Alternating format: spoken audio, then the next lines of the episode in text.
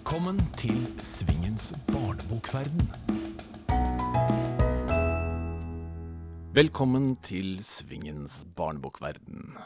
Gjestene denne gang er forfatter Gro Dale og forfatter og illustratør Flu Hartberg. Gro, ja, Gro, velkommen. Vi begynner med deg. Takk. Du har skrevet over 60 bøker. Ja, kanskje? Ja, i hvert fall. Kanskje det er enda flere. Jeg vet ikke, jeg har ikke Du- oversikt. Nei. Jeg blir ofte bedt av elevene om eh, det nøyaktige antallet. Ja. Og nå som jeg nærmer meg 100, har jeg faktisk da begynt å regne på det. Men før det så har jeg alltid bedt dem regne selv. Ja, ja. Da er de litt sånn skuffet. Ja.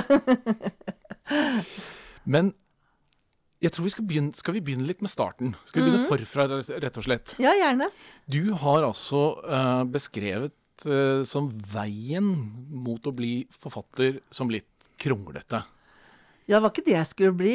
Nei. Det hadde jeg ingen som helst planer om. Det er en nødløsning, da. Men nødløsningen funka. Det er jo det nødløsning er til for. Å funke når ingenting annet funker. Så endte jeg som forfatter, da, på en måte. Ja, for du hadde, du hadde rett og slett noen tøffe år. Ja, mange. Eh, og jeg visste jo ikke hva jeg skulle bli, og hva jeg skulle gjøre. Og det ene funka ikke, og det andre funka ikke. Og ikke klarte jeg å være lærer. Etter én uke så måtte jeg gi meg. Og ikke klarte jeg å fullføre psykologistudiet, og ikke kom jeg inn på Kunsthøgskolen. Og ja, ikke noen ting av det, alt det jeg prøvde i alle retninger, klarte jeg å få gjennomført eller stå i, da. Men var det en slags åpenbaring når du fant eh, skrivingen, den kreative skrivingen? Ikke åpenbaring, men kanskje mer lettelse. At ja, men kanskje jeg kan drive med dette, liksom. For jeg, da gikk jeg på som en sånn slags eh, nødløsningsøvelse, så gikk jeg på forfatterstudiet i Bø. Og da skrev jeg den første boka mi. Og så tenkte jeg ja, kanskje jeg kan holde på med dette her. Ja, for du debuterte jo i 1992. 87 i hvert fall. Ja, 87, men med barnebøker, som vi skal snakke om her. 1992. Så kommer Ja. det 92. Ja. Så for det andre, det, Det det, det eksisterer ikke Nei. i dette studioet. Det er fint. Sånn skal det være. Men da tegnet du selv. Ja, Emilie og den umulige mammaen. Ja. Ja, for eh, jeg, jeg er jo veldig glad i å tegne. Jeg er egentlig mer glad i å tegne enn å skrive. Og det var jo derfor jeg hadde så lyst til å gå på Kunsthøgskolen, da. Eller å gå videre med det, bli illustratør. Det var liksom den store drømmen. Så eh, da skrev jeg den boka for å få lov til å tegne. Og det fikk jeg lov til, da. Men er det sånn at du ikke får lov til det lenger, eller hva? Jeg er ikke god nok til å tegne, men jeg har tegna eh, to bøker, da. Det er ikke så verst, bare det. Du tror ikke det kommer til å bli flere? Eh, nei, jeg tror vel egentlig ikke det. Det tar veldig lang tid å tegne. det ser jeg på Svein. Og egentlig så er jeg ganske heldig ja, for å ha det skrivinga. Skrivedelen av det. Så ble det etter hvert bildebøker om Kaja og Simon. Mm. Så du holdt det allerede den gang i familien. For det er jo da navnet, Ja. navnet til barna dine. Det var bestillingsbøker. Det var Simon som bestilte de, da. Og Kaja som bestilte det. Kan du ikke skrive om da og det skjedde, og kan du ikke skrive om det? Det angra de etterpå, når de var på ungdomsskolen og på videregående. Hvor de andre, Simon og Kaja tisser, og skulle liksom holde de opp i nesa på dem. Ja, ikke Kaja så mye, men Simon syntes det var flaut. Men etter hvert så ble det jo da bildebøker med Svein. Mm. Hvordan var det rundt eh, familiemiddagen dere kom på at vi må jo gjøre noe sammen? Eller Mm. hvordan skjedde det? Nei, altså egentlig Jeg og Svein vi har vært sammen veldig, veldig lenge. Helt fra 1981. Og en av de tingene vi hadde felles, det er tegneserier og bildebøker. Så vi samla tegneserier og bildebøker. Det var i grunnen det vi brukte alt vi hadde ekstra penger på. Og hvis det var bibliotekutsalg, så var vi der. Og vi, vi, vi hadde rett og slett en felles sånn ja, fascinasjon, glede og hamstringsbehov rundt det der med bildebøker og tegneserier. Så, så der er eh, hovedgrunnlaget vårt. Og så syns jo jeg at Svein Jeg var jo, veldig forelska i tegningene hans, egentlig før jeg ble forelska i ham. Eh, jeg kjente ikke han. Jeg hadde bare sett tegningene hans nede på formingssalen på videregående. Og jeg tenkte åh, det var fantastisk. Og han må være fantastisk. Det var før jeg møtte han, og før jeg snakka med ham. Så så jeg liksom ryggen hans og beina hans forsvinne bortover en gang, en gang, og da merka jeg at nå var jeg skikkelig forelska, da. For 40 år siden, eller når det var nesten 40 år siden, 38 år siden. Eh, Så, så akkurat den tegningen hans, det, det var veldig viktig for meg. Jeg tenkte at kanskje vi kunne skrive Kanskje vi kunne lage bildebøker sammen. Lage som et prosjekt. Han hadde vært i gang med å tegne profesjonelt fra han var 15 i lokalavisa, og så for sånn informasjonsting og eh, Men han hadde ikke jobba noe særlig med, med bildebøker. Og så gjorde han mye, han og Egil, tvillingbroren, mye for Sesam Stasjon. Og når jeg foreslo for forlaget at kanskje Svein kunne tegne til den teksten der, altså 'Den grådige ungen', var det, så sa de nei, for de ville ikke ha Sesam Stasjon. Men så prøvde jeg liksom å overbevise dem om at var, han kunne mer enn det. Han var mye mer enn en den litt mer humoristiske streken, da. De trodde ikke helt det. Og da sa jeg at ja, men da blir det ikke noe tekst av meg heller, for da må vi gå til et annet forlag. Så måtte, jeg måtte trumfes inn Svein, men da så du jo det potensialet som Svein hadde. Det var bare at det var ikke så lett å se det i Sesam Stasjon-figurene. Men jeg, som da ikke jobber med noen nære familiemedlemmer, kan jo se for meg eh, en rekke store, fine fordeler med det. Og så kan jeg se for meg noen ulemper. Men du som faktisk gjør det, hva er fordelene og ulempene som eh, er deres erfaring? Uh, jeg, jeg er nok kanskje litt kontrolliker. Altså at jeg vil gjerne ha kontroll over prosessen.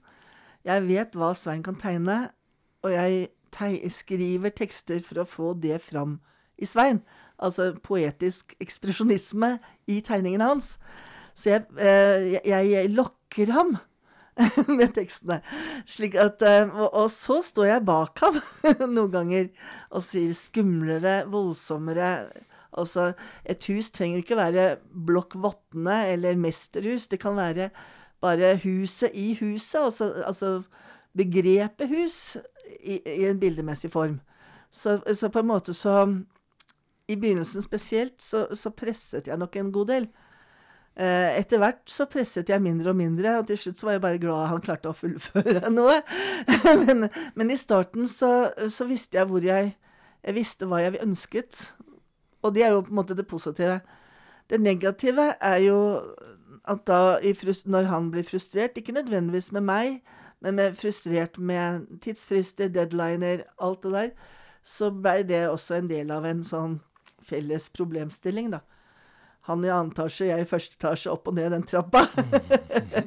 Rive i stykker ark og knekke blyanter. Men nå som du jobber mye med Kaja, Ja. jobber dere annerledes sammen? Ja, helt, helt annerledes.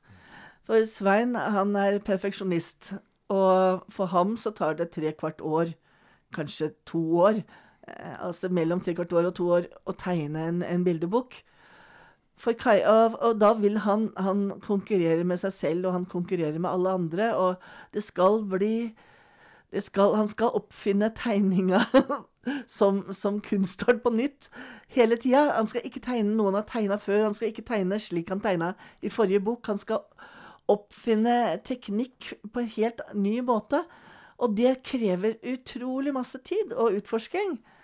Og en dag, et, et år, så holdt vi på med blekkspruten, da, om incest, og han eksperimenterte med flekker. Og det var liksom et halvt år med flekker. Det var flere tusen flekker av alle slag utover hele huset, som hang overalt på, på tørkesnorer i annen etasje og i første etasje og utover stuegulvet. Flekker absolutt overalt. Og ut av dette materialet på et par tusen flekker, så fant han én fantastisk flekk. Og den, den delen der altså, kan jeg ikke eksperimentere eksperimenterende på samme måte, men bare gjør det. Ikke noe prestasjonsangst, ikke noe stress. Eh, Bare skal være gjennomfører.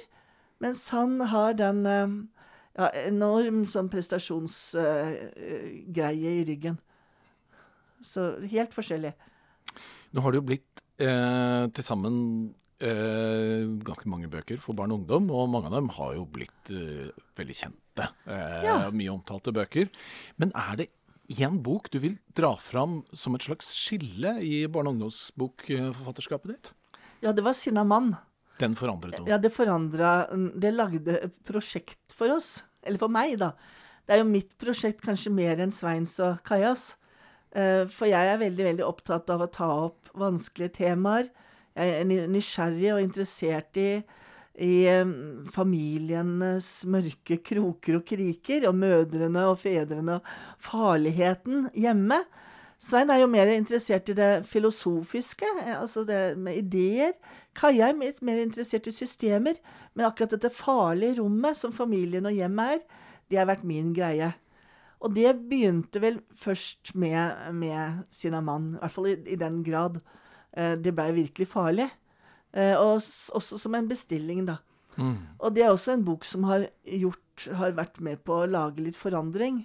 Ikke det at, det, at, det, at det, var, det ble en viktig bok i samfunnet, men, men det var sammen med en god del kampanjer. Så plutselig så begynte vold igjen med å bli et tema som ikke var tabu i mediene. Som det begynte å bli mulig å snakke om. Det åpna seg, og samfunnet øhm, tok det på alvor istedenfor å skyve det hekket og si at det, det skal vi ikke snakke om. Så, så den var med på den, den bevegelsen der. Eh, mot større åpenhet i samfunnet. Og det syns jeg var spennende. Men du forteller at det var en, en, en slags bestilling. Og Ja. da kommer jo på en måte temaet før historien. Mm. Er det mange av disse bøkene hvor temaet på en måte har eh, Ja. vært på bordet før du har kommet på historien? Alle bildebøkene er det sånn med. Ikke når jeg skriver eh, andre ting, eh, barnedikt eller barneromaner eller voksenting, men med bildebøkene så veit jeg hvor jeg skal. Det handler om for meg å finne en metafor, en allegori, en fabel, et eventyr på overflaten, og så øh, som kan på en eller annen måte uttrykke i underteksten hva det temaet er. Så jeg leter eh, veldig analytisk etter eh, fabelen, da. Men er du veldig bevisst på hva leseren skal sitte igjen med? Eller er du mer interessert i historien, hvis du skjønner hva jeg mener, Ja. når du går inn i den, og så ikke tenker så mye på mottakeren? Eller hvordan, hvordan Ja, ja det, er, det er et veldig interessant spørsmål, syns jeg. Fordi at jeg, jeg, jeg jobber med den fabelen på overflaten, og så legger jeg inn dimensjonene etterpå. Slik at jeg har fabelen som da er for barnet, og eventyret som barnet kan relatere til. Og så legger jeg inn den psykologiske dimensjonen, den sosiologiske dimensjonen, det eksistensielle, den historiske hvis mulig, samfunnskritisk, politisk, metadimensjon også. Og det er for den voksne. Så jeg vil, eh, eller for ungdom. Så jeg, jeg vil gjerne nå fram til flere aldre samtidig, da. Barnet på overflaten, og ungdommen på liksom mellomsjiktet, og den voksne som har de dypereliggende nivåene som man kan tolke inn. Ja. Nå er det jo eh, en del, og jeg vil egentlig si flere enn man tror, som eh, synes at barne- og ungdomsbøker skal være relativt koselige, og at barn skal beskyttes. ja, ja, absolutt. Hva sier du til dem når du eh, lager den, den type bøker? Jeg vil at det skal være en bredde. Og alt fra det koselige, morsomme, søte, eh, eh, det humoristiske, ikke minst, eh, til, til det kommersielle, hvor du går på spin-off-produkter, lekekataloger nærmest, og til det spennende krimmen, til thrilleren, til skrekken, og kanskje til meg, da som sitter i et hjørne og har altså disse her litt alvorlige temaene. Altså bredden er jeg opptatt av at det fins. Og jeg, jeg, eh, altså barna mine, de elsket leketøyskataloger. det er helt OK lesestoff, det òg. Og de, de elsket Tassen, som på en måte er en sånn skikkelig eh, kommersielt produkt. De elsket eh, spin-off-produkter om Batman og Supermann. Det er helt OK. og datteren min likte også veldig godt legeboka. Å sitte og se på fryktelige bilder av sår. Så jeg mener det er, det er, det er veldig vid eh, og stort område, da. Men hvordan takler du f.eks. negativ respons? For det har jo vært noe av det på noen av disse bøkene. Ja, absolutt. Masse negativt. Eh, det syns jeg er interessant. Jeg syns det alltid er interessant. Eh, jeg opplever nok disse bøkene, disse bildebøkene som forskning. Fordi jeg vet kanskje ikke så mye om disse emnene på forhånd. Bortsett fra ja, Snill og Den grevlingdager, så er ikke dette her emner som jeg har fra mitt eget liv. Og da må jeg finne ut masse, jeg må lese masse, jeg må snakke med eksperter. Psykologer, eh, ja, bupper med, med, med, barn. Jeg må få finne ut hvordan er det dette her foregår. Og da, eh, da, har jeg på en måte gjort en god del research, og da å også få et, i ettertid negative kommentarer, så utvider det, syns jeg, mitt forskningsfelt for å finne ut hva er det egentlig publikum blir redde for. Hva er det de syns er overtramp? Hva er det de syns er ekkelt? Um, og voksne lesere på en helt annen måte enn barnelesere. Så får de helt, to helt forskjellige leseropplevelser. Og det er de voksne leserne jeg får mest negativt fra, da. Selvfølgelig. Selvfølgelig. Selv om jeg har hatt en, en veldig, veldig søt uh, bokanmeldelse fra en gutt i 5. klasse. Det var om sinna mann, som altså om vold i hjemmet. Den var kjedelig. Jeg liker ting som er mer voldelige, og den var ikke så spennende og voldelig, så den var dum. den syns jeg var kjempe, den har jeg tatt vare på. Den syns jeg var kjempesøt. men, eh, men, negative kommentarer eh, og negativ tilbakemelding som er saklig, syns jeg også bare er eh, stimulerende, egentlig. Gøy. Men hatbrev er ikke gøy, da, sånn som jeg fikk i forhold til Sesam Sesam. Da var det veldig mye hatgreier på telefonen og på, i posten og på mail og i aviser. Det, er, det syns jeg var ubehagelig. Mm. Ja. ja. det skjønner jeg godt. Um, du nevnte 'Grevlingdager', fordi det er jo da en bok som uh, kom ut nå i høst? Ja, kom uh, jeg tror det for tre-fire dager siden. Ja, Og eh, nå sa du nettopp at her har du skrevet noe som er fra ditt eget liv. Mm. Kan du fortelle litt? Ja, jeg var skolevegrer, og flere i familien har vært skolevegrere. Her kan jeg veldig mye. Eh, Sjøl hadde jeg kjempemagesmerter når jeg var på skolen, og når jeg kom hjem, hadde jeg sånn skikkelig magekramper, som da ga seg etter et halvtime ca. Og så var jeg fin helt til dagen etter. Jeg ble presset til skolen, men jeg rømte inn i skogen for å lete etter salamandere, og da ble jeg liksom plassert sammen med de slemme guttene Etterpå liksom måtte jeg sitte igjen, da, for jeg hadde gått i den forbudte skogen bak skolen. Og det de, det, de, detaljene bruker jeg på en måte i boka. Men jeg bruker også fra barna hjemme, om, eh, som da ikke fikk til det å gå på skolen. For det var for mye støy, for mye mas, for mye mennesker. For, for slitsomt, rett og slett. For utmattende. Ja, for dere hadde mye hjemmeskole? Ja, vi har hatt hjemmeskole på alle tre barna i perioder. Men ikke hele, hele tiden? Bare deler, Noen eller? har hatt nesten hele tida, og mm. andre har bare vært to år. Men uh, Ninni, for eksempel, hun, uh, hun fikk feber klokka halv, halv ti hver skoledag. Og da måtte jeg hente henne, og så lå hun på sofaen med en pute. Og så fra 40 grader til, ned til 36,5 igjen. altså, så, så, kroppen sa ifra, da. Mm. Brukte dere mye tid på bøker og sånt da, siden uh, ja, de veldig, holder på med sånt i dag? Mm. Veldig mye lesing. Uh, det er jo noe av det beste jeg veit. Jeg elsker å lese høyt, og Svein liker å lese høyt. Og det å, dele og, og, ha vært på biblioteket, komme hjem med to store pappesker fulle av bøker en gang i måneden. Eh, ja, kanskje liksom ja, 70-80 bøker som vi kan liksom sette på gulvet og bare gå gjennom. Det er herlig. Tegneserier og romaner og barneromaner og, og, og bildebøker. Du har jo skrevet uh, bøker i en rekke forskjellige sjangre for barn og ungdom. Og jeg har lyst til å gripe fatt i to av dem. Det ene er jo da dikt for barn. Det er jo en relativt liten sjanger. Det er det, ja. ja. Uh, hvorfor er det så lite poesi for barn, tror du? Eh, Når det er, jo kommer ut masse lyrikk for voksne. Ja, men det kommer mer og mer nå. Så altså fram til bare for fem år siden så var det veldig, veldig lite dikt for barn. Da kunne man nesten telle det for, på, på, hvert fall på to hender hvor mange eh, diktsamlinger det var for barn. Men nå, eh, nå er det liksom ti diktsamlinger for barn i året, syns jeg. Eh, slik at det er i ferd med å altså, Dikt i samfunnet vårt er i ferd med å eksplodere. og det er jo kjempefint. Og seriøse og flotte og vakre og spennende diktsamlinger, som Ruth Lillegraven. Jeg er, jeg er, jeg er. Den elsker jeg. Og det er så mange fine, altså nyskrevne dikt. Men før, før var det ikke så mye. Og da var jo mine diktsamlinger for barn de var jo blant de få, da. Men um, 'Håpes av gåsa', eh, den, den syns jeg Det var jo den første diktsamlingen jeg hadde for barn. Og det at, at jeg kan skrive dikt for barn på samme måte som jeg skriver for voksne, det var litt aha-opplevelse for meg. For de diktene var egentlig en del av voksenbok, en voksendiktsamling. Da bare, da bare skjøv jeg barnediktene til én side og voksendiktene til en annen side. Men egentlig var det en del av det samme prosjektet. Den andre sjangeren jeg tenkte jeg skulle, vi skulle snakke litt om, det var fantasy. For du, Ja. for du har jo skrevet en fantasybok. Og så har du uttalt eh, at du alltid har en fantasybok på gang. Ja, jeg har det. Når kommer den neste?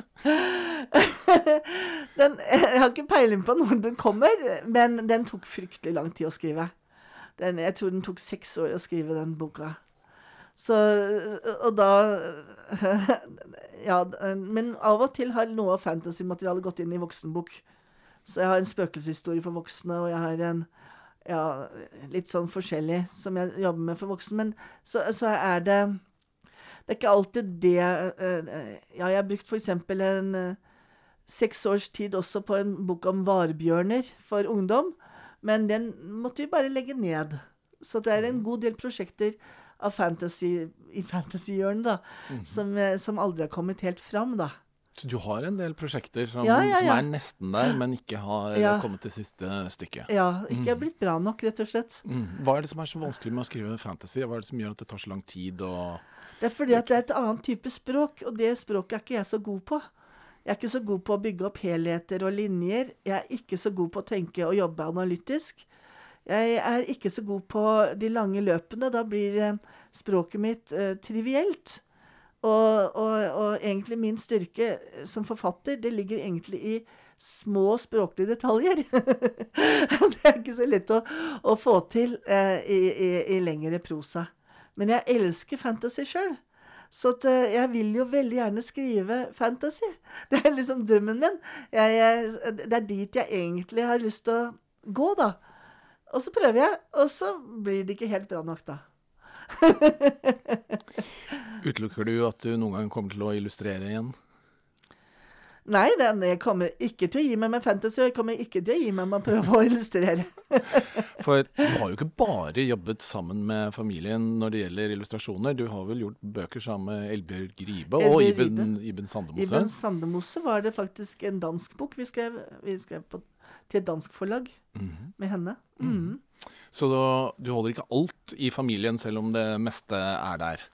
Ja, nei, jeg gjør ikke det. Men eh, så er det også sånn at både Svein og Kaja har hatt lyst til å ha litt oppdrag. Slik at eh, ja, hva er, det, hva er det de kan gjøre neste gang, på en måte? Så de er jo litt med på det, de også, da. Det er ikke bare jeg som bestiller. Før vi får inn eh, Flu her, så har jeg jo da også bedt deg om en eh, Anekdote. anekdote fra livet ditt som forfatter. Ja, jeg har eh, lurt veldig på det. Men, eh, og, og jeg tenker at jeg har eh, litt lyst til å ta den, i og med at vi har snakka om Sinnamann. Så er det en anekdote jeg har som jeg syns er ganske søt. Og det er at når jeg er rundt omkring på skoler og i eh, barnehager, på biblioteker og i gymsaler, så er det ofte sånn at barn ler, og voksne blir forferda, og, og noen av dem gråter. Men eh, en, en gang så var det en lita jente. Hun eh, satt hele tida med armen oppe. Og, og veldig alvorlig i ansiktet, nesten på gråten. Eh, og jeg tenkte at her er det en alvorlig historie som ligger bak, med vold i hjemmet. Et eller annet som er, ligger virkelig og trykker. Og, men jeg venta med å ta det opp til jeg var ferdig med å lese. Og så sa jeg ja, hva har du lyst til å fortelle oss? Og hun sa hvorfor ligger den flua der? og det var en liten død flue som lå i vinduskarmen med beina opp. og det, var, det er liksom så typisk barn. De er opptatt de, de ser helt andre ting og er opptatt av helt andre ting enn det voksne tror. Og eksempel siden av mann så ville jo de fleste tenkt at dette her var et barn som, som måtte synes dette her var vanskelig og ubehagelig. Men de var opptatt av den lille detaljen. De ser detaljer framfor linjer. Det syns jeg var veldig, veldig søtt, da.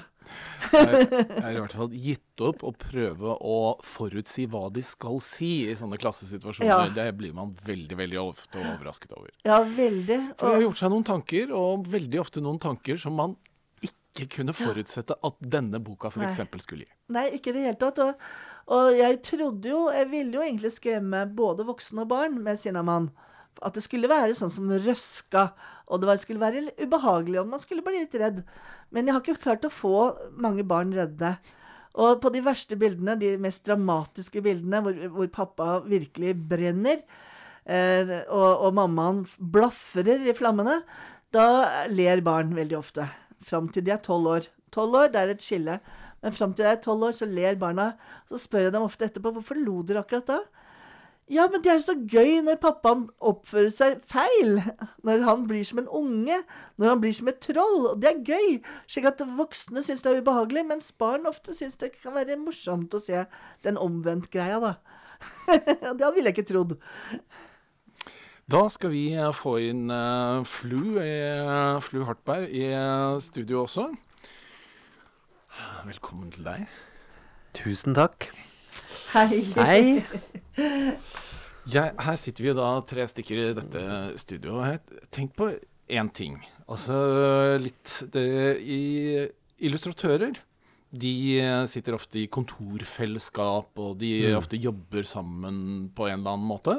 Mens vi forfattere, med noen unntak selvfølgelig, sitter jo da ofte på hver vår tue, eller i hver vår leilighet eller hus eller rundt omkring.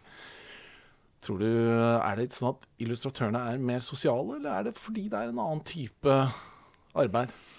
Ja, det var et godt spørsmål. Eh, det har jeg ikke tenkt på. Men eh, det arbeidet vi gjør, medfører jo at vi kan småprate litt eh, underveis. Ikke alltid. Vi må også ha det stille. Jeg sitter jo sammen med to andre da, i mitt kontorfellesskap. Vi må ha det litt stille der, og vi skriver jo også, vi, da. Så da må vi i hvert fall ha det, litt som stille. Men eh, når vi sitter og tusjer og fargelegger og holder på, så kan vi høre på musikk eller parat eller Og det kan jo kanskje ikke forfatte Hvis du skulle sitte tre forfattere sammen, og så skulle én sitte og skravle, det hadde jo ikke funka kanskje så veldig bra. Men eh, vi er jo Og så er det jo mange flere forfattere på en måte enn illustratører i landet. Så vi illustratører kjenner jo stort sett hverandre og trekker sammen på fest. Når de andre store forfatterne står og snakker om viktige ting, så kan vi liksom søke tilflukt hos hverandre. Ja, eller på dansegulvet. Jeg, jeg har inntrykk av at eh, Noen søker dit, ja. ja. Det er kanskje ikke deg, men eh, det, Jeg er veldig splittet. eh, Både, ja, sånn tegneserietegnere og illustratører er veldig splitta i de da som veldig utadvendte og innadvendte, tror jeg. Det er sånn, For det kan komme begge steder fra, tror jeg, den trangen til å f.eks. være morsom, prøve å være morsom på papiret.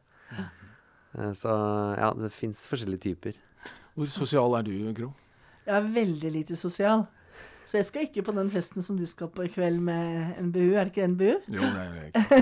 Nei, det skal ikke jeg heller på. Jo. Er du heller ikke? Nei, nei. Jeg drar ikke på fest hvis jeg ikke må. Nei, sånn er jeg jo. Så der er dere litt like, altså. Vet du hva, jeg kjenner meg igjen i, i ganske mye av når jeg hører deg snakke. Ja, du gjør det? Ja, jeg tror vi er likere enn man skulle tro. Ja, men det forundrer meg ikke egentlig. Jeg kjenner jo tegneserien din og, og de grafiske romanene dine. Og jeg, jeg, jeg, er veldig fan av det. Og jeg syns, syns jo at uh, vi er litt inne i samme områder av og til.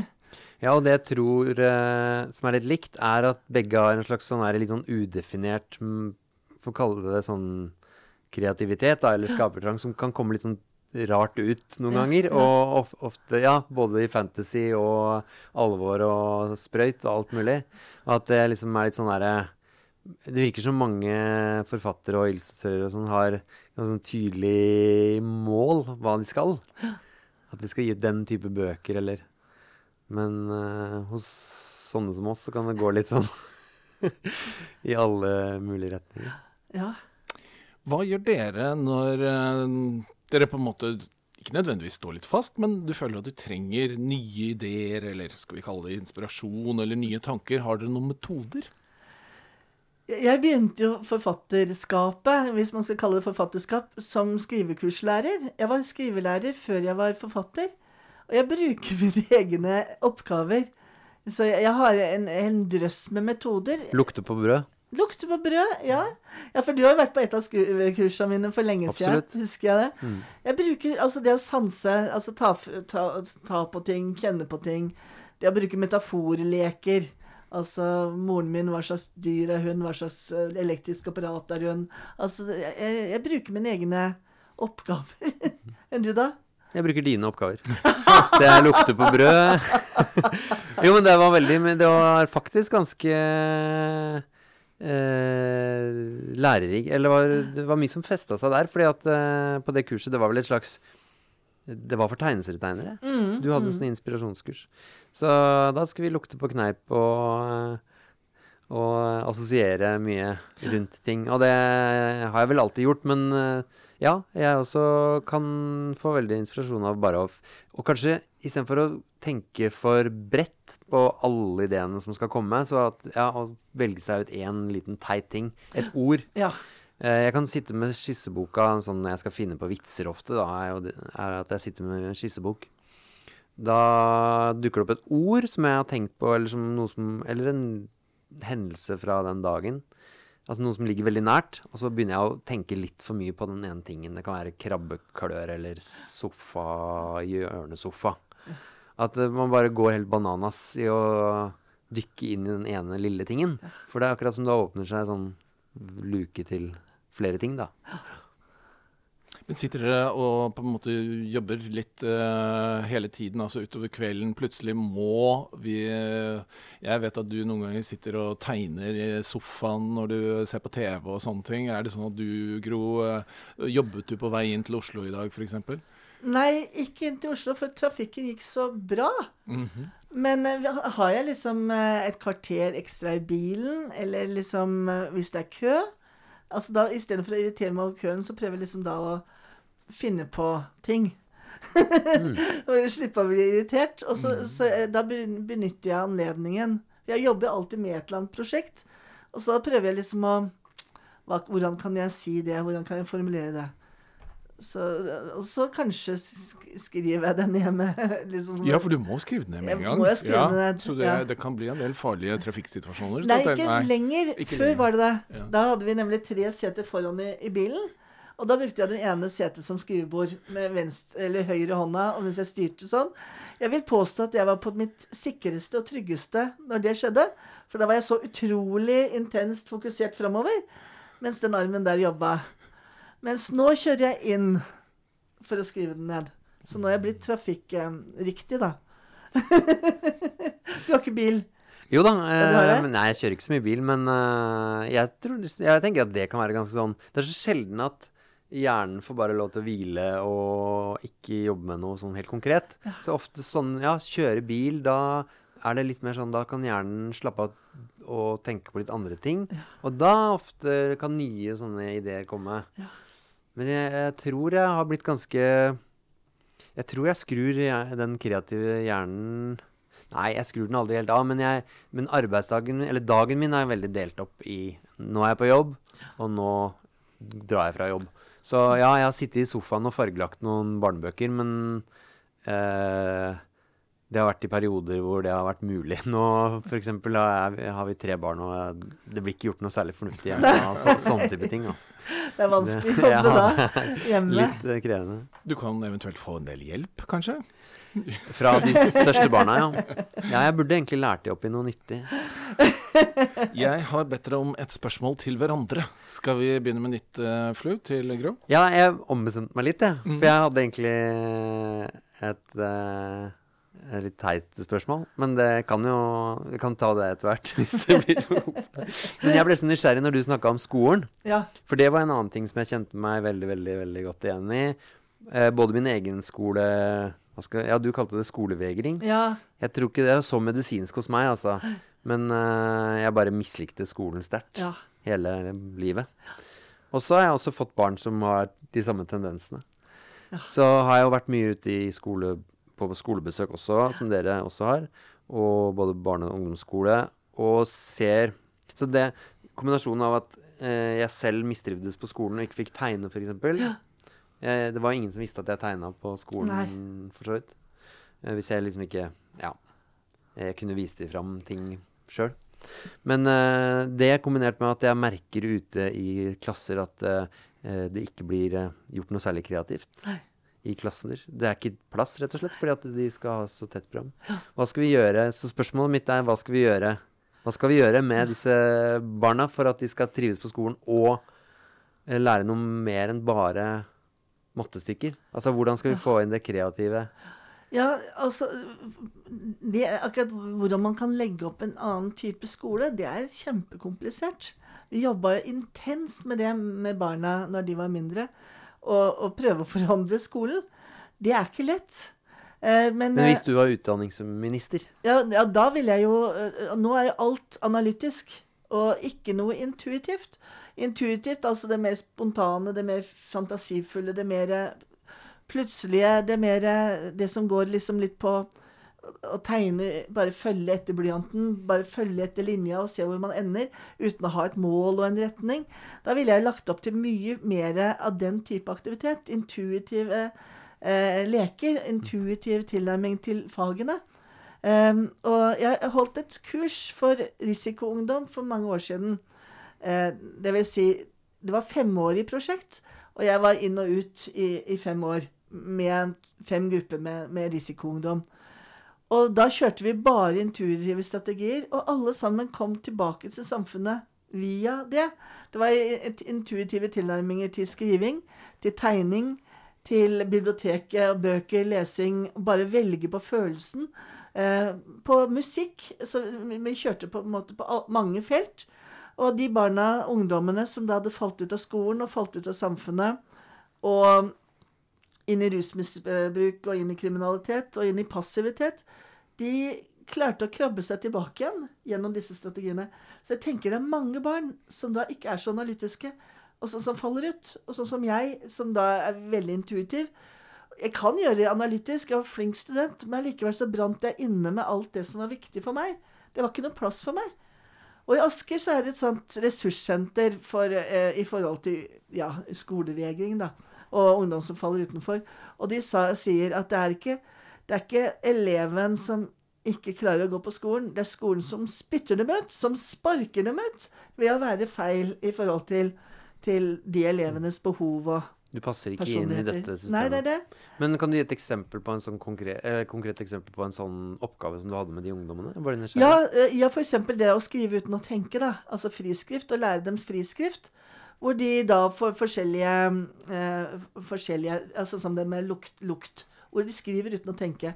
En av de oppgavene, det var akt. da hadde vi en naken dame. Det var dette, her var 18- og 19-åringer. Og de ble jo helt supersjokkert når det kom en naken dame og satt på en stol på gulvet. Eh, og midt foran dem. Og så De har jo nesten ikke sett nakne damer før. Ikke på ekte, kanskje? Ikke på den, ja, og i, i lyset på den måten. Og så skrive denne nakne dama. Og skrive knærne hennes, skrive linjene, skrive håret. Skrive nakenheten uten å tenke. Bare sk- la handa gå. Og det var noen fantastiske tekster. Utrolig. Skal vi gøy. ta spørsmålet ditt, Gro, til Flu? Åh, det er så mange. Jeg har så mange. Men, mm. eh, men jeg, jeg, jeg lurer sånn på hvordan du fant på Horgan. Ja, Horgan, ja. Må du kanskje forklare det, Ja. hvem Horgan er? Horgan er, det er en, eh, altså ikke jeg ser det tegneserieroman om en rar type. Og som jeg ble så fascinert av. Og som jeg, jeg har kjøpt den, den tegneserien har jeg kjøpt så mange, mange eksemplarer av, gitt bort i gaver, og vi har slitt ut ut hjemme. Vi, det er rett og slett en viktig bok for oss i familien. Det er du som har kjøpt uh, den. Men hva, hva, hvordan kom han? Ja, det var et morsomt spørsmål. Jeg, eh, jeg vet i hvert fall at selve prosjektet begynte med noen sånne korte, improviserte ensidere om Horgan, da, som dukket opp bare som en Det er ofte sånn det, Nesten alle figurene mine begynner som sånn improvisasjon. Eh, jeg driver så dongeri, Ja. lager sånne dongeriblader sammen med noen eh, kolleger, da, og, det er ren improvisasjon. Og da dukket han opp som en klagete type. Uh, rett og slett en som var ekstremt misfornøyd. Og det var så gøy. Det merka jeg at appellerte ekstremt til meg. Å bare jobbe med en figur som bare er misfornøyd. Jeg vet ikke hvorfor. Og så eh, begynte jeg å jobbe på han lenger i Stormann. Tenkte at han kan jeg bruke til noe. Og så da ble det fort at jeg la inn en del av mine egne venner, blant annet. Akkurat. Altså jeg, har, altså jeg tok liksom litt eh, særtrekk fra venner og la inn i både han og de andre eh, karakterene i boka.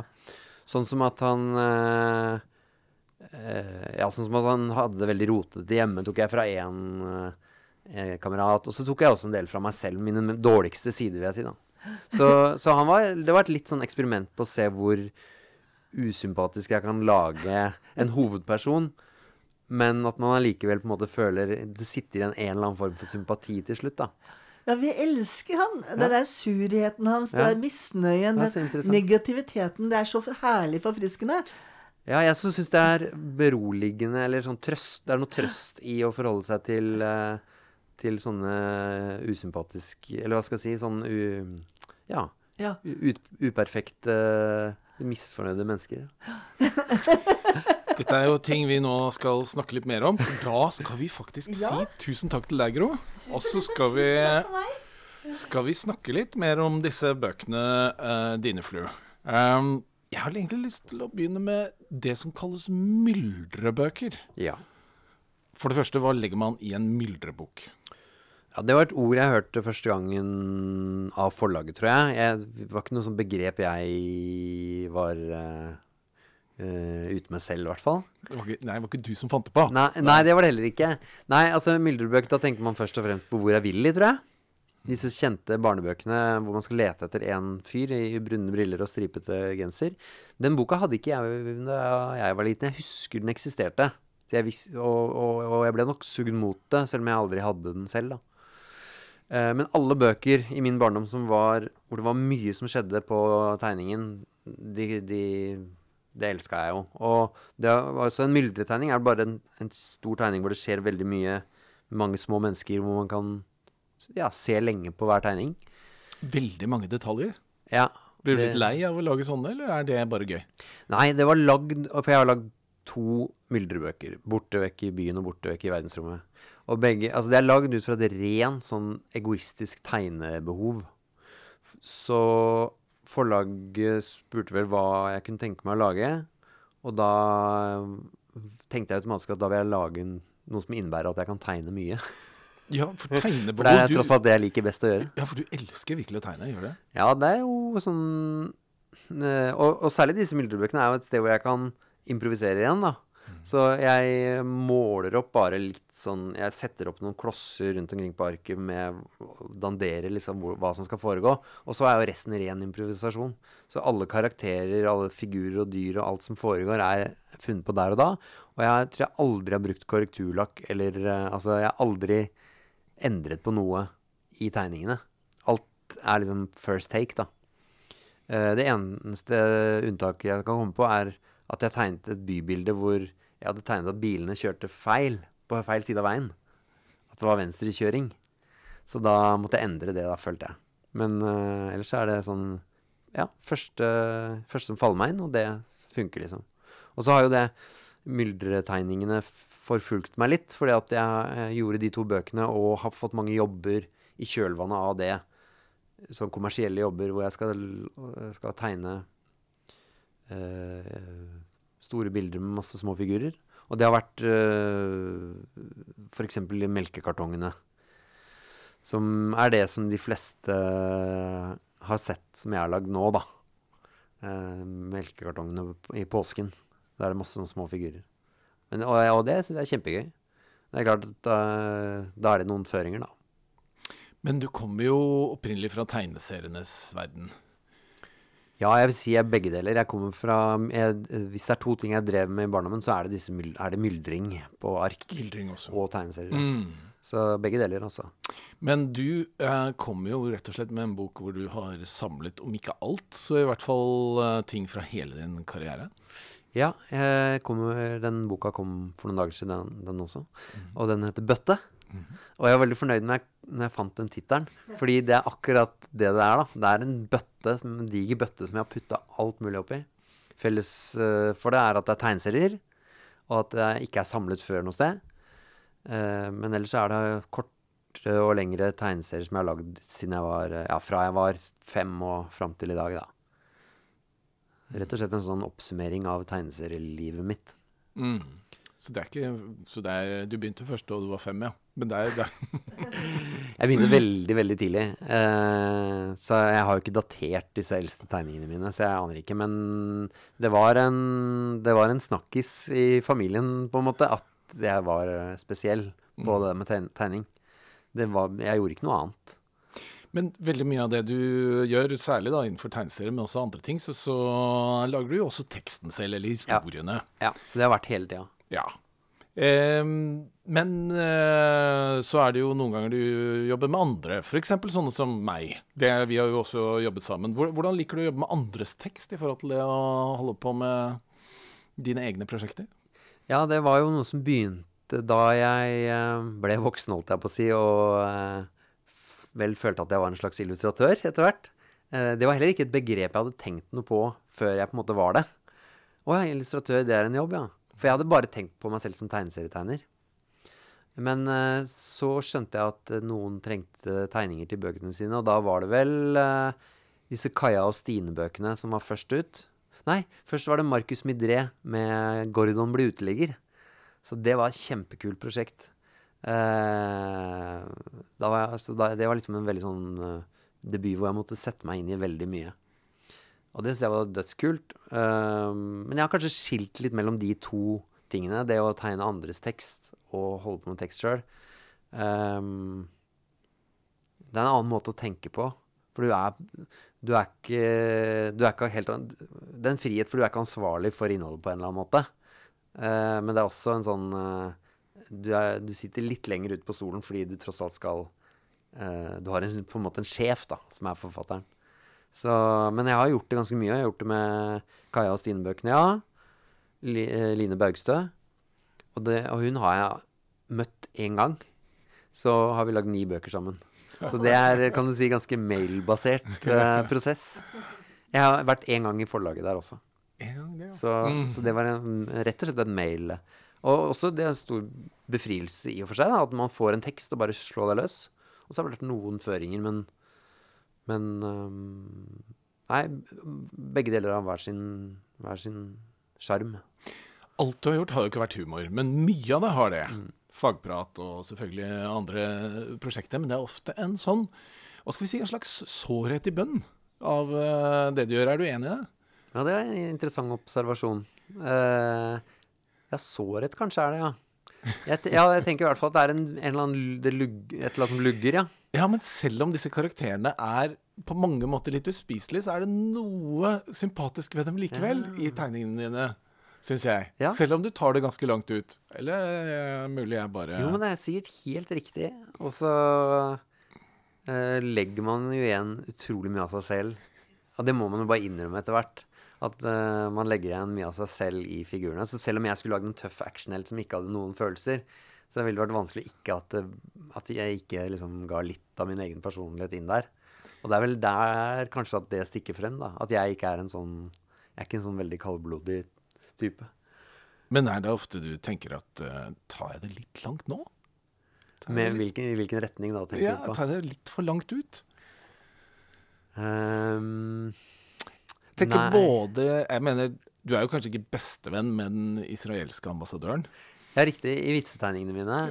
Ja, for det også ble en del av eh, Jo, nei, men jeg har alltid holdt litt på med det også, uttrykka meg selv også som politisk gjennom Og min måte å uttrykke på, på meg er jo, er jo med tulletegninger.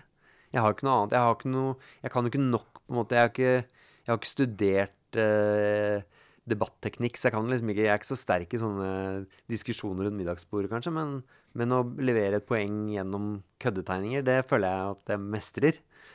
Så Og har jeg en sterk mening om noe, eller er jeg oppriktig sint eller irritert, så, så får det utløp i vitstegningene. Så da Så konsekvensanalyse underveis er kanskje ikke min sterkeste side alltid, nei. Men jeg angrer jo heller ikke etterpå.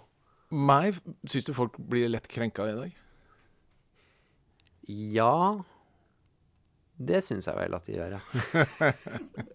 Men jeg møter de jo ikke, ikke sant. Eh, De er jo ikke i samme rommet som jeg er, så da gjør det jo ikke noe sånn umiddelbart for min egen del.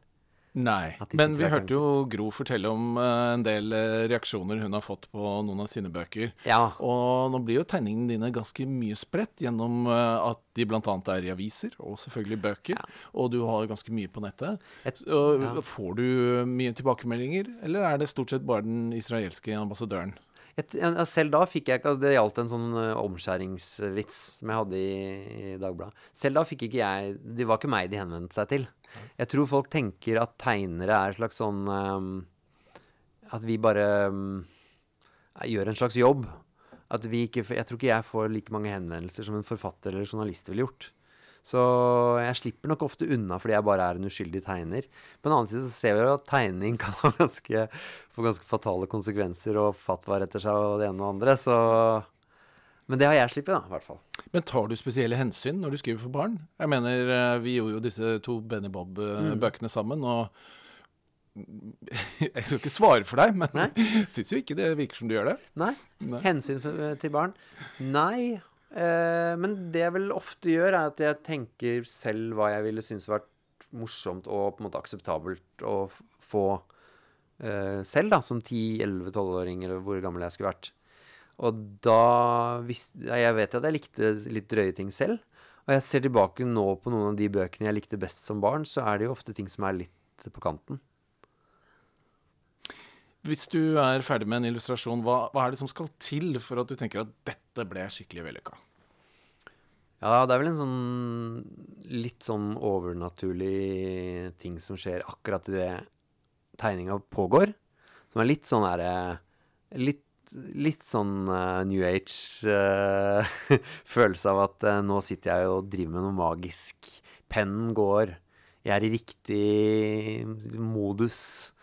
Eh, eh, samtidig, en annen dag, så kan man føle seg litt sånn utafor og, og ikke få det til. Så det er mest det, kanskje. En sånn, en sånn god feeling. Og så og, og som regel så er det sånn at hvis en tegning kommer skeivt ut fra starten av, så er det umulig å redde det. Eller vi kan jo noen triks etter hvert til å liksom, få det til å se kult ut. Men uh, det hjelper ikke å sitte ti timer i Photoshop etterpå og prøve å legge på noen kule effekter. Hvis ikke tegninga Hvis ikke ideen var god, og tegninga var liksom ektefølt, så, så er det løs, så er løpet kjørt, da. Vi vet jo at barn elsker humor, og uh, lese humorbøker er eh, Ja, det er i hvert fall nummer to etter spenning. Ja. Og eh, Men min erfaring er jo da at når det kommer med humorbøker, så er det vel kanskje ikke det som voksne er så opptatt av når det gjelder humor for barn. Du får stort sett ingen anmeldelser, og formidlerne sliter litt. Hva, hva er dine erfaringer? Ja. Eh, Nå er liksom min erfaring som si, barnebokforfatter er ganske begrensa. For jeg jeg har lagd to myldrebøker med nesten ikke noe tekst i det hele tatt. Eh, så der slapp jeg billig unna. Eh, og utover det så har jeg lagd én Jeg jeg har skrevet en barnebok som heter Fjols. Eh, Og så kommer det en neste år. og så kommer det en nå eh, som jeg legger siste hånd på verket nå, som heter Spesialklassen. Så det er, jeg føler at det er mer min sånn Det blir min test i å se om jeg klarer å finne en plass i det markedet og i den verden. Nå tegner jeg for, og tegner og skriver for eh, Ja, det er alltid vanskelig å si, men i hvert fall en litt eldre målgruppe. Eh, Jeg har jo to sønner, en på sju og en på ti. De er litt eh, i tankene mine da, og litt eldre. Eh, Så var i en ungdomsskoleklasse i går og viste de Eller liksom presenterte de boka og fortalte dem historien, og det fengslet veldig sånn niendeklassinger òg. Så jeg tenker at vi er der et sted, da. Det, handler om ungdomsskoleelever. Og det handler om ungdomsskoleelever som, som lever i fremtiden. Mm. Og går i en Så- spesialklasse. Ja, spesialklassen blir det kalt fordi det er eh, elever med skal si, eh, veldig, veldig sære interesser. Så det er eh, en jente som er ekstremt sånn digitalt geni og kan hacke og skru. Uh, og andre elever som, som da har like stort oppheng i andre ting. En som bare liker å lage fuglekasser. Ehm, men eh, ja, og hovedpersonen eh, har ikke noen spesialiteter i det hele tatt. Han er bare kjempepopulær. Men en dag så blir hjernechipen hans hacket. Så, eh, så det er utgangspunktet for historien. da. Så, det er jo, så for å få det til å kunne skje, så måtte historien foregå noen år inn i fremtiden. da. Jeg er alltid litt uh, nysgjerrig på navn. Mm. Og du uh, heter jo Flu, eller du heter jo det egentlig ikke. Du heter Ole Fridtjof, gjør du ikke det? Ja, nå heter jeg faktisk Flu. Gjør Jeg du fikk, det? fikk Du fikk- gjort om på papiret. Gjorde det. Men uh, ja, jeg, jeg fikk det der Flu-navnet ganske tidlig. Fikk du det av noen, Mm, jeg Jeg fikk, fikk det av Doa uh, på, på Brekke uh -huh. i Oslo. Så han gikk jeg i klasse med og, og, og var nabo til, og han syntes i sånn andre-tredje klasse at det var ikke noe vits at jeg- skulle ha så langt navn. Kronglete navn. Ole Fridtjof. Så han kom med dette Flu, og da spredde det seg. Og jeg, tenkte, og jeg følte med en gang at det var meg. Jeg hadde aldri følt at Ole Fridtjof var et navn som jeg kunne liksom relatere til.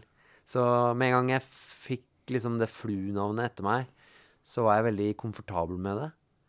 Og Også i utlandet? Vil folk ta deg i hånda når du kommer og forteller om uh, navnet ditt? Ja, det er helt hopeless, vel. Jeg bodde jo i England òg. Men der, eh, der eh, Ja, jeg vet ikke. Folk er vant til ganske mange rare navn i en globalisert verden. Men jeg sto i passkontroll i USA en gang, og da hadde jeg til og med Det her er flaut, men eh, vi har jo denne kunstgruppa som heter Dongeri.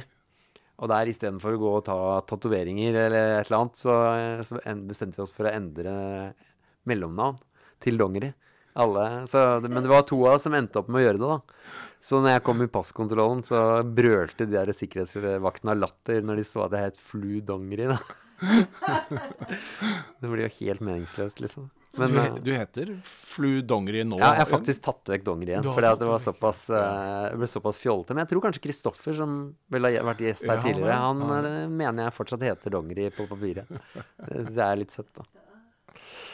Em, jeg har også bedt deg om en uh, historie fra uh, Nå har du jo for så vidt akkurat fortalt en, men, men kanskje du har en til fra uh, det spennende livet ditt? Ja, fra mitt utrolige liv, som Ja. jeg nå har samlet i bok, ikke sant? Ja. da, da, heldigvis, Um, for jeg har, ikke valgt, jeg har ikke pleid å tenke på livet mitt i sånne anekdote, anekdoter. Men i arbeidet med boka så skrev måtte jeg skrive litt om meg selv, og det var ganske gøy. Jeg har litt sånn skriveskrekk noen ganger eh, med det blanke eh, Word-dokumentet som lyser mot meg. Men når man kommer i gang med å skrive, skrive om meg selv, så var det ganske gøy, i tredje person. Men så derfra så kom jeg på Vi begynte jo å i tegneseriebladet ganske tidlig. Veldig tidlig. I, da jeg var 13 og gikk eh, vel i 7. klasse. Da eh, lagde vi bladet Flass, som kom ut eh, med jevnlige numre, altså. Og vi trykte opp på kopimaskin eh, og stifta det og bretta det, og så solgte vi det i skolegården. Fem kroner eh, tror jeg det kosta. Og så i det bladet så gjorde vi mye rart. Jeg og en kamerat som het Morten. Så vi hadde liksom funnet hverandre. Og eh, der hadde vi blant annet Det var jo en tid hvor det, var, eh, hvor det enten var hiphoper eller rocker. I hvert fall på Tåsen. Og vi var rockere og likte ikke hiphopere. Jeg likte ikke sosser eller sportsfolk eller sånn heller, da. Så en av de der tegneseriene våre handlet om fordeler med å være rocker da, og ha langt hår. vi hadde akkurat rukket å gro langt hår.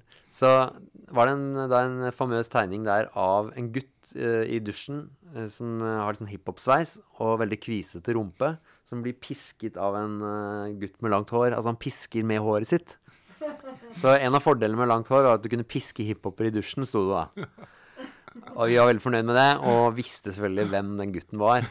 At, eh, så her kommer vi inn på det som er litt sånn vondt, da.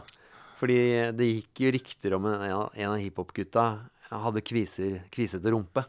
Det var, eller det ble observert i dusjen, sikkert. da. Og så kom det bladet ut, og mm, en del kjøpte det. Og så er jeg på vei ut fra konfirma konfirmantundervisninga, faktisk.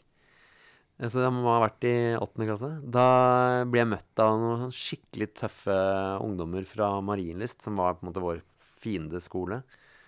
Der det var mye hiphopere, og da, som skulle banke meg. da, På grunn av at de hadde sett bladet, og de hadde sett hvem det var. Det var Erlend, da. eh, for alle visste at han hadde kviste rumpe. Og det var veldig mye ja, Jeg klarte å løpe fra den ju- julinga, tror jeg. Jeg, jeg. jeg slapp unna. Men det var veldig mye å lære av det. Både ja, dette med at man kan krenke folk. Såre folk, ikke minst. Jeg syns det er forskjell på det, da. Jeg vil jo gjerne krenke folk, men helst ikke såre folk, hvis det er mulig. Mm. Eh, og, men også at det kan være ganske kruttsterk eh, kost med en tegning, da. Så det var eh, det var, Jeg burde ha lært av det, men det gjorde jeg jo ikke. Jo, men kanskje noen andre lærer av at du forteller denne historien nå. Det kan være. Jeg syns det var en fin måte å avslutte dagens episode på. Takk, Flu, for at du kom. Bare hyggelig. Takk til Gro for at hun kom, og takk til Cappelen Dam for lån av studio. Vi høres om én måned. Du har hørt på Svingens barnebokverden med Arne Svingen.